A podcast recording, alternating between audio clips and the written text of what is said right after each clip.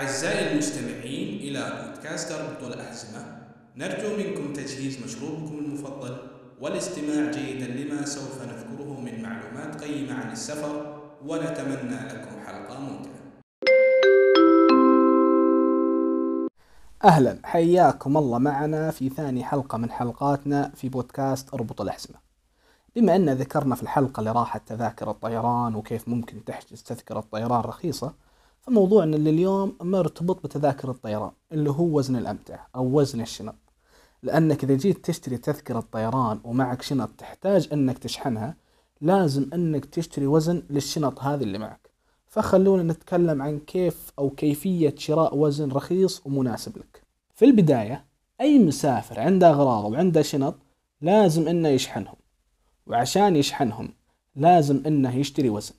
لأن طبيعي شركات الطيران ما راح تقدم لك خدمة الشحن من غير مقابل فلازم أنك تشتري وزن للشنط اللي معك. طيب في ثلاث نقاط لازم أنك تعرفها إذا جيت تشتري وزن. أول نقطة هي سياسة الشركة. لازم تعرف سياسة الشركة اللي راح تشتري منها وزن لأن كل سياسة أو كل شركة سياستها تختلف عن الثانية. في بعض الشركات يقول لك مسموح لك بس شنطة واحدة تشحنها معك ووزنها ما يتعدى 32 كيلو.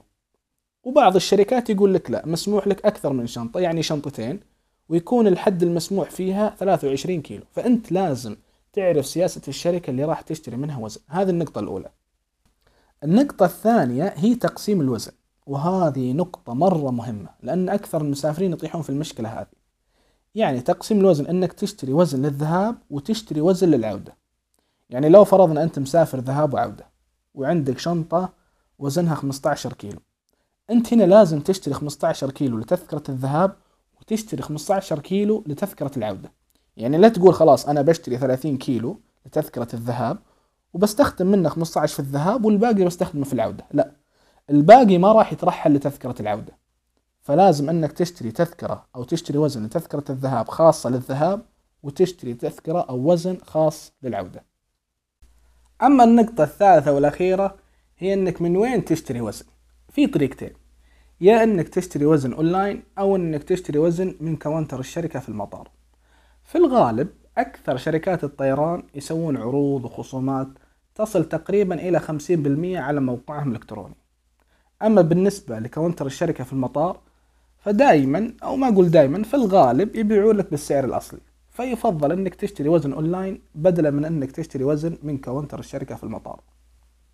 طيب في أكثر من تنويه ونقاط سريعة راح أذكرها لكم. من ناحية سياسة الشركة لازم تعرف أبعاد ووزن الشنطة المسموح لك اللي تقدر تاخذها معك داخل الطيارة. يعني تعرف أبعاد الشنطة كم طولها وكم عرضها وتعرف الوزن المسموح لك. وبرضو لازم تعرف إن الموظف اللي راح يمشيك على كيلو زيادة معك الموظف الثاني والثالث والرابع ما راح يمشونك وخصوصا في الرحلات الدولية. وأيضا بخصوص شراء وزن لتذكرة العودة. يعني إذا كان شنطتك وزنها 15 كيلو وشريت 15 كيلو تذكرة الذهاب وناوي إنك تجيب معك أغراض أو هدايا من برا فحاول إنك تزيد كيلو أو كيلوين لتذكرة العودة. يعني على حسب الأغراض اللي راح تجيبها معك عشان ما ينحسب لك كيلوات زيادة في المطار. والتنويه الأخير هو أنك حاول لا تشتري وزن من counter الشركة في المطار إذا باقي على رحلتك أربع أو خمس ساعات. لأن بعض الشركات وأغلب الشركات يقفلون الأونلاين. يعني ما عاد تقدر تشتري أونلاين إذا باقي على رحلتك أربع أو خمس ساعات. فأنت هنا مجبر أنك تشتري من counter الشركة في المطار. فراح يستغلون موقفك الضعيف ويرفعون عليك السعر. يعني ما راح يبيعوا لك بالسعر الأصلي. لا احتمالية كبيرة أنهم يدبلون عليك السعر. فحاول أنك تشتري أونلاين من بدري. هذه أهم النقاط اللي لازم تعرفها إذا جيت تشتري وزن طيب قبل ما أنهي الحلقة مثل ما أنتم عارفين أن الإجازة قربت الإجازة الصيفية وبرضه إجازة عيد الأضحى. فاللي عنده سؤال بخصوص الحجز بخصوص التذاكر بخصوص الفنادق بخصوص السفر بشكل عام يتواصل معنا. أنا حاط رقم الواتساب تحت تواصل معنا عن طريق الواتساب وحنا راح نجاوب على جميع أسئلتكم. في النهاية أتمنى الحلقة نالت على إعجابكم. والسلام عليكم ورحمة الله وبركاته. أعزائي المستمعين إلى بودكاست أربط الأحزمة نرجو منكم تجهيز مشروبكم المفضل. والاستماع جيدا لما سوف نذكره من معلومات قيمة عن السفر ونتمنى لكم حلقة ممتعة. أهلا. حياكم الله معنا في ثالث حلقة من حلقاتنا في بودكاست أربط الأحزمة. في الحلقتين اللي راحت شرينا تذكرة طيران رخيصة وشرينا وزن للشنط اللي معنا وبرضو حجزنا فندق رخيص ومناسب. فجاء الوقت اللي نتكلم فيه عن المطار. بداية من السيارة اللي راح تاخذك من البيت. إلى المطار حتى وصولك إلى الطيارة.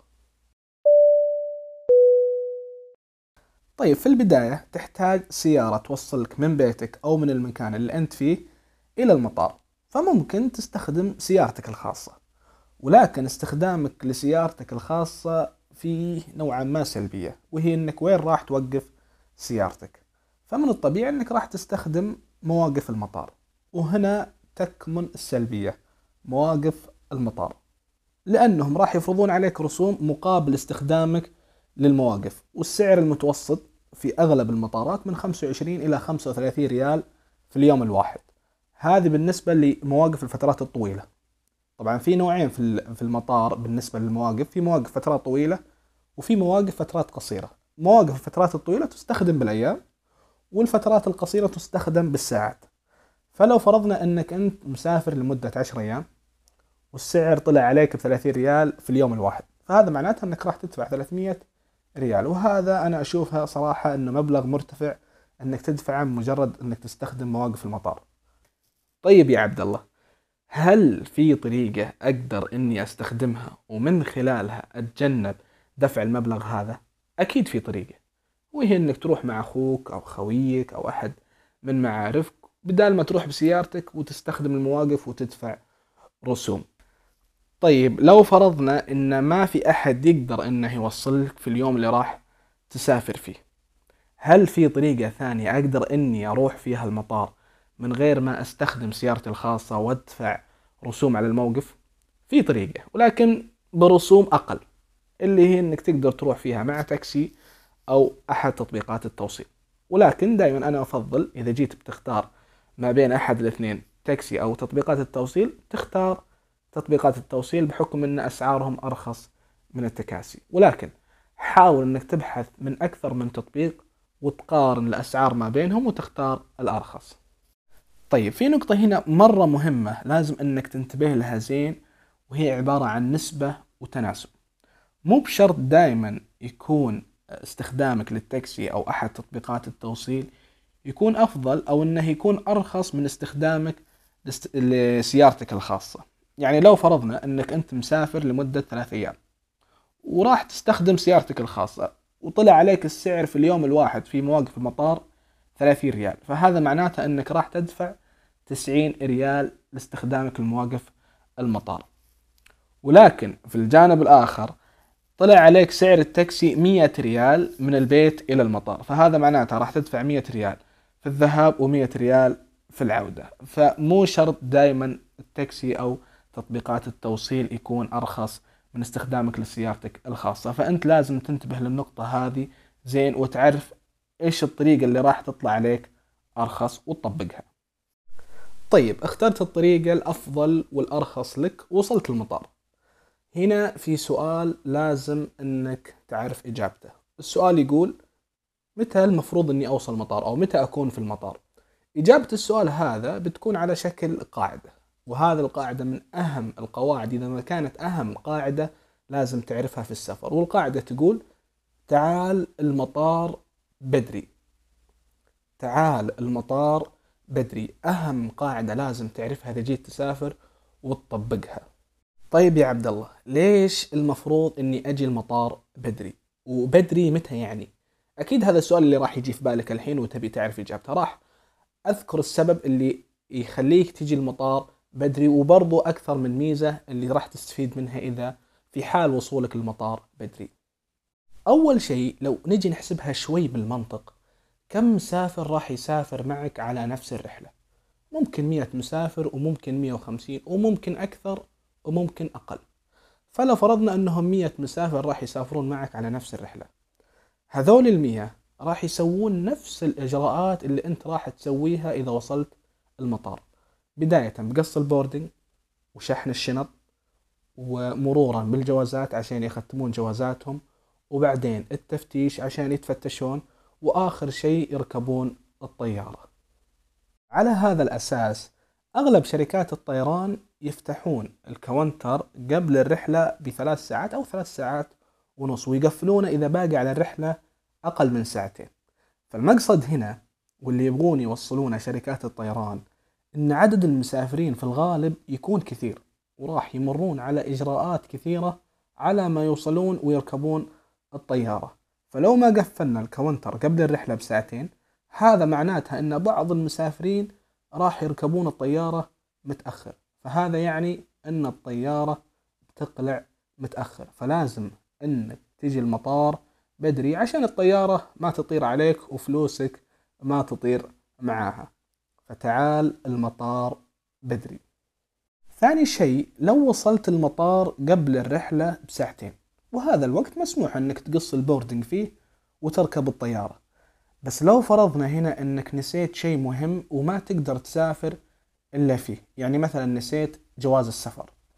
فتضطر في هذا الموقف إنك ترجع البيت ولو فرضنا أن بيتكم يبعد عن المطار نص ساعة فهذا معناتها رجعتك للبيت استغرقت نص ساعة ورجعتك للمطار مرة ثانية استغرقت نص ساعة. فأنت أساسا من البداية كان باقي لك ساعتين ويقفل ال boarding أو يقفل ال counter فهذا معناتها أن ال counter في حال رجعتك للمطار مرة ثانية أن ال counter قفل والرحلة فاتتك فتعال المطار بدري.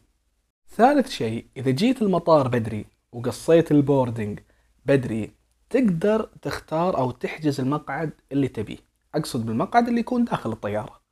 صحيح أنك إذا جيت تشتري تذكرة طيران أونلاين يكون في خيار متاح لك أنك تقدر تختار أو تحجز المقعد اللي تبيه. ولكن راح يطلع عليك برسوم. تقريبا 34 أو 35 ريال في حال اختيارك للمقعد أونلاين فعشان تتجنب دفع المبلغ هذا تعال المطار بدري وقص ال boarding بدري واحجز المقعد من الموظف نفسه اللي راح يقص لك ال boarding من غير رسوم. وبرضو في أغلب الشركات أو بعض الشركات تقدر تقص ال boarding online عن طريق موقعهم الإلكتروني. بعض الشركات يفتحون موقعهم الإلكتروني قبل الرحلة ب 24 ساعة وأحيانا 48 ساعة فتقدر تدخل موقعهم الإلكتروني وتقص ال boarding online وتختار أو تحجز المقعد من غير رسوم بشرط ما يكون المقعد محجوز. النقطة الأخيرة اللي المفروض أنك تسويها داخل المطار هي أنك لا تفكر تشتري أكل وشرب من داخل المطار لأن سعر قارورة الموية اللي بتحصلها برا بريال أو ممكن ريال ونص بتحصل قيمتها داخل المطار ثلاثة أو أربعة وممكن توصل لخمسة ريال وقيس على ذلك بقية الأشياء. فيفضل أنك تشتري معك الأشياء اللي تحتاجها من برا المطار وتحطها في شنطة الظهر وتجيبها معك المطار وبرضو تقدر تدخلها معك الطيارة. هذا كل شيء بالنسبة لحلقة اليوم. أتمنى أن الحلقة كانت خفيفة لطيفة عليكم وأضفنا لكم معلومات قيمة عن السفر. وإذا كان عندكم أي سؤال أو استفسار تواصلوا معنا على رقم الواتساب الموجود. أسفل الوصف وراح نجاوب على جميع أسئلتكم. وأتمنى منكم التقييم. لا تنسونا من التقييم راح يفرق معنا كثير من ال comment ومن ال share. وكل عام وأنتم بخير.